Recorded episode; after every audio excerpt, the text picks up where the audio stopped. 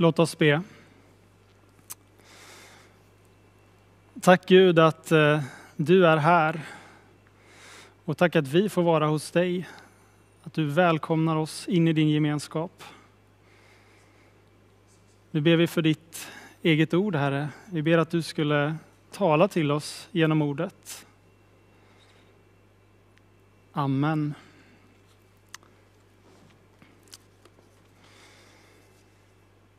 Jag vill läsa en text ifrån Efesierbrevets första kapitel.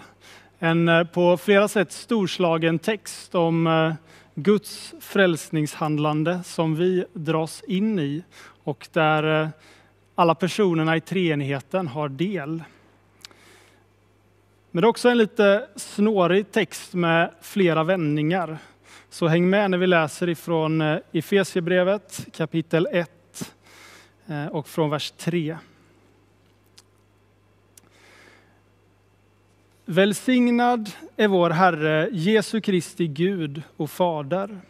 Han har välsignat oss med all den andliga välsignelse som genom Kristus finns i himlen, liksom han före världens skapelse har utvalt oss i honom till att stå heliga och fläckfria inför sig i kärlek. Han har förutbestämt oss till att få söners rätt genom Jesus Kristus och förenas med honom. Det var hans viljas beslut, till pris och ära för den nåd som han har skänkt oss med sin älskade son. I honom och genom hans blod har vi friköpts och fått förlåtelse för våra överträdelser. Så rik är den nåd med vilken Gud har låtit all vishet och klokhet flöda över oss.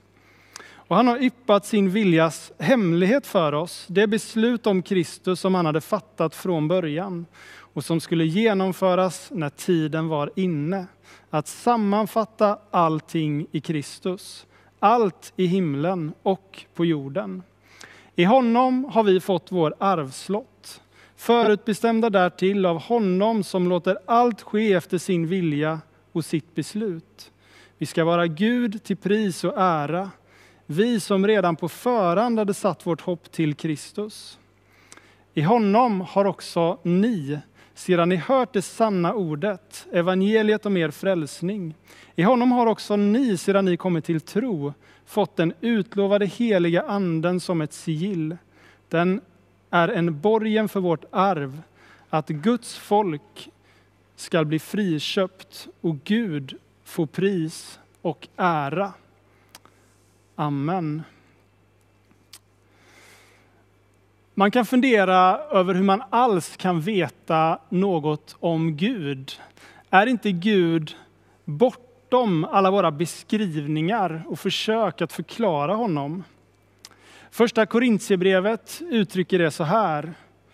Ännu ser vi en gåtfull spegelbild. Då ska vi se ansikte mot ansikte. Ännu är min kunskap begränsad. Då ska den bli fullständig som Guds kunskap om mig. Det är sant att vi i den här världen inte kan ha fullständig kunskap om Gud och därför gör vi nog väl i att vara ödmjuka när vi talar om honom. Men samtidigt behöver vi inte bli alltför defensiva och försiktiga när vi formulerar vår tro och tänka att det inte går att säga något alls om Gud. För det stora i den kristna berättelsen, det är ju att Gud inte är långt borta och onåbar för oss, utan tvärtom att Gud kommer oss nära. Kyrkan tror och litar på att Gud i sitt ord visar för oss vem han är. Bibeln är i sig själv ett vittnesbörd om hur Gud vill göra sig känd för människan. Och den berättar från början till slut om hur Gud på olika sätt uppenbarar sig för oss. Kanske vi tänker ibland att eh, Gud är dold och svår att få syn på och att det därför är svårt att veta något om Gud. Då får vi påminna oss orden som Gud säger till människan i skapelseberättelsen. I första Moseboks tredje kapitel befinner vi oss i Edens trädgård. Adam har ätit av den förbjudna frukten och han gömmer sig för Gud medveten om vad han har gjort. Då står det om hur Gud kommer vandrande i trädgården och ropar efter Adam. Var är du? Och det är alltså inte Gud som gömmer sig, utan det är människan som gömmer sig och Gud söker efter honom. Gud kommer till oss. Så även om Gud är mer än våra beskrivningar och även om våra ord och bilder inte fullständigt förklarar Gud så är det möjligt att formulera en bekännelse utifrån hur Gud uppenbarar sig för oss. Profeten Jesaja uttrycker den paradoxen att Gud både är oåtkomlig för våra beskrivningar och att han samtidigt visar sig för oss. Han skriver, du är sannerligen en dold Gud, Israels Gud som ger räddning. Och paradoxen är ju någonstans att den Gud som kanske kunde uppfattas som dold, samtidigt är den Gud som blir personlig för Israels folk, som uppenbarar sig för dem som en räddare när han befriar dem från Egypten. Gud visar sig för oss som vår räddare, vår frälsare.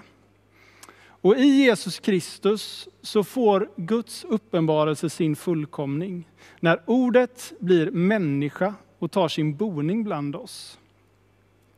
Johannes skriver i inledningen till sitt evangelium. Ingen har någonsin sett Gud. Den enda sonen, själv Gud och alltid nära Fadern, har förklarat honom för oss. I Jesus Kristus kan vi få syn på Gud och därför kan vi också tala om vem Gud är. Och Det är också utifrån Guds uppenbarelse som kyrkans bekännelse av Gud som treenig, Fader, Son och Ande växer fram. För de första kristna så är tron på en Gud något grundläggande. Och eh, den nya Jesus-tron innebär inte en brytning med det som var Israels tro, utan står i kontinuitet med den. De första kristna håller fast vid tron på Gud som en, samtidigt som Jesu liv och anspråk innebär något nytt som de måste förhålla sig till. Jesus är åtskild från Fadern, men samtidigt ett med honom. Jesus säger till exempel, Sonen kan inte göra något av sig själv, utan bara det han ser Fadern göra.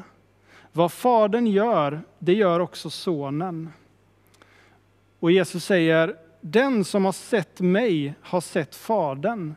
Jag är i Fadern och Fadern i mig.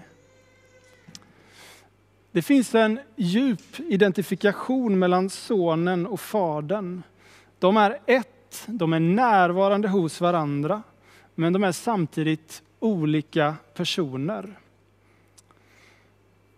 Och Det är också så man förstår den heliga anden.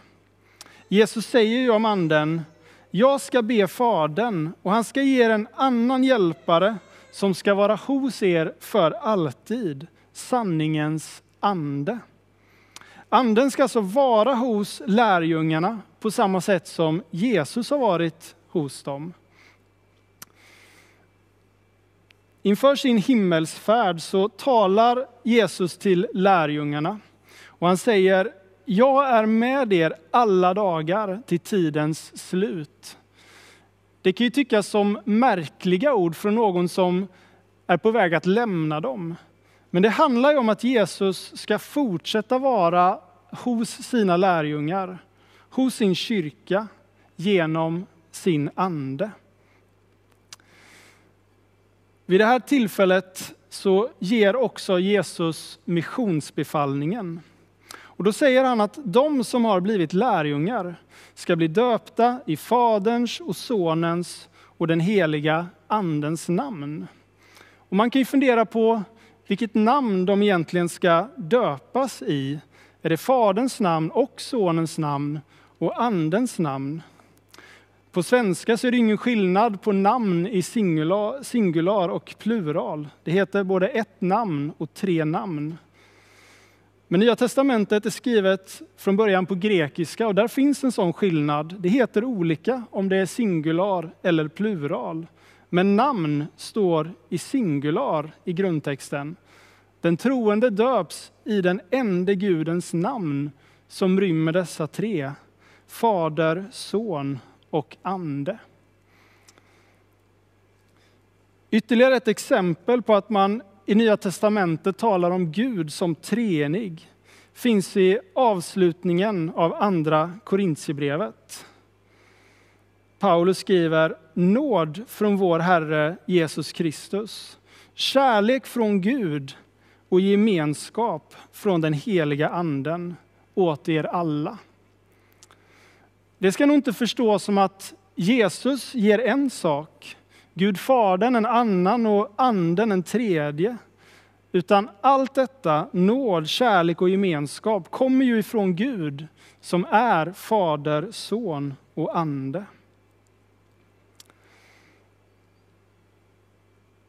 När Gud handlar med världen och med människan så är alla personer i treenigheten delaktiga.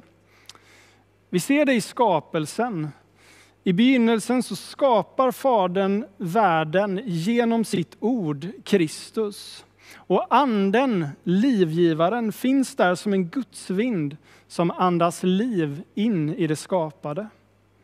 Vi ser det också i frälsningen som innebär att Fadern försonar hela världen med sig genom Sonens död på korset. Och där Anden fullbordar frälsningen genom att överbevisa människan om synd och mana till omvändelse och tro.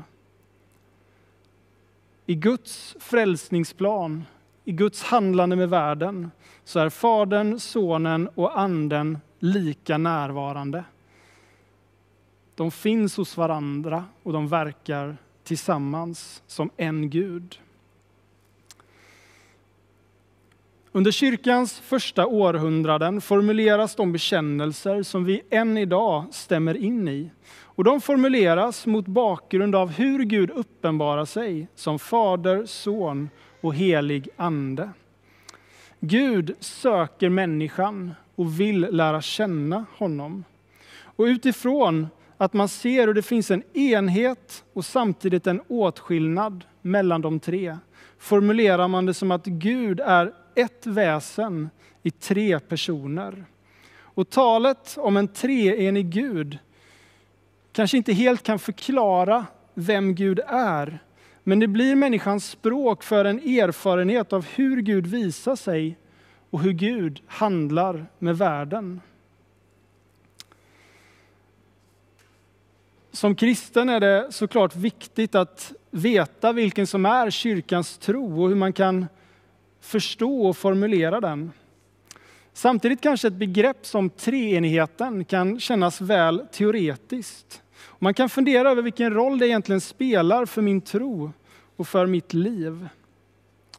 Då vill jag sluta min predikan med att helt kort stanna upp inför ett par saker som jag tänker att bekännelsen av Gud som treenig innebär för mig som troende och för oss som församling.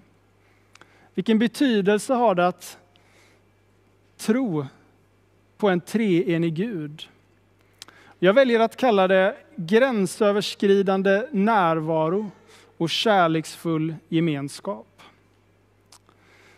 Bibeln talar om Gud som skapare av himmel och jord, att han är allsmäktig och står över allt. Det hjälper oss att förstå Guds storhet. Men när vi har sagt det så kan vi också säga att Gud inte är långt borta från sin skapelse. Tvärtom talar Bibeln om att Gud överskrider gränser och är närvarande i världen. Gud som är annorlunda, skild från sin skapelse, har vänt sitt ansikte till världen. I Jesus Kristus blir Gud människa han stiger in i världen och delar människans villkor. Och det är så Gud uppenbarar vem han är. Och så sänder Gud sin ande som sin fortsatta närvaro i världen och hos oss människor. Tron på Gud som treenig är tron på en Gud som är på samma gång över allting och nära oss. Gud är inte dold, utan han överskrider gränser för att komma till oss och dela våra liv. Och jag tänker att det är så trösterikt, inte minst kanske i tider av distansering och isolering, att tala om en Gud som är närvarande hos oss. Gud som är över allting, har vänt sitt ansikte till dig. Han söker dig och vill vara närvarande i ditt liv. Och så till sist vittnar också Guds treenighet om en kärleksfull gemenskap mellan Fadern, Sonen och Anden. Och vi har ju redan varit inne på det i vår gudstjänst.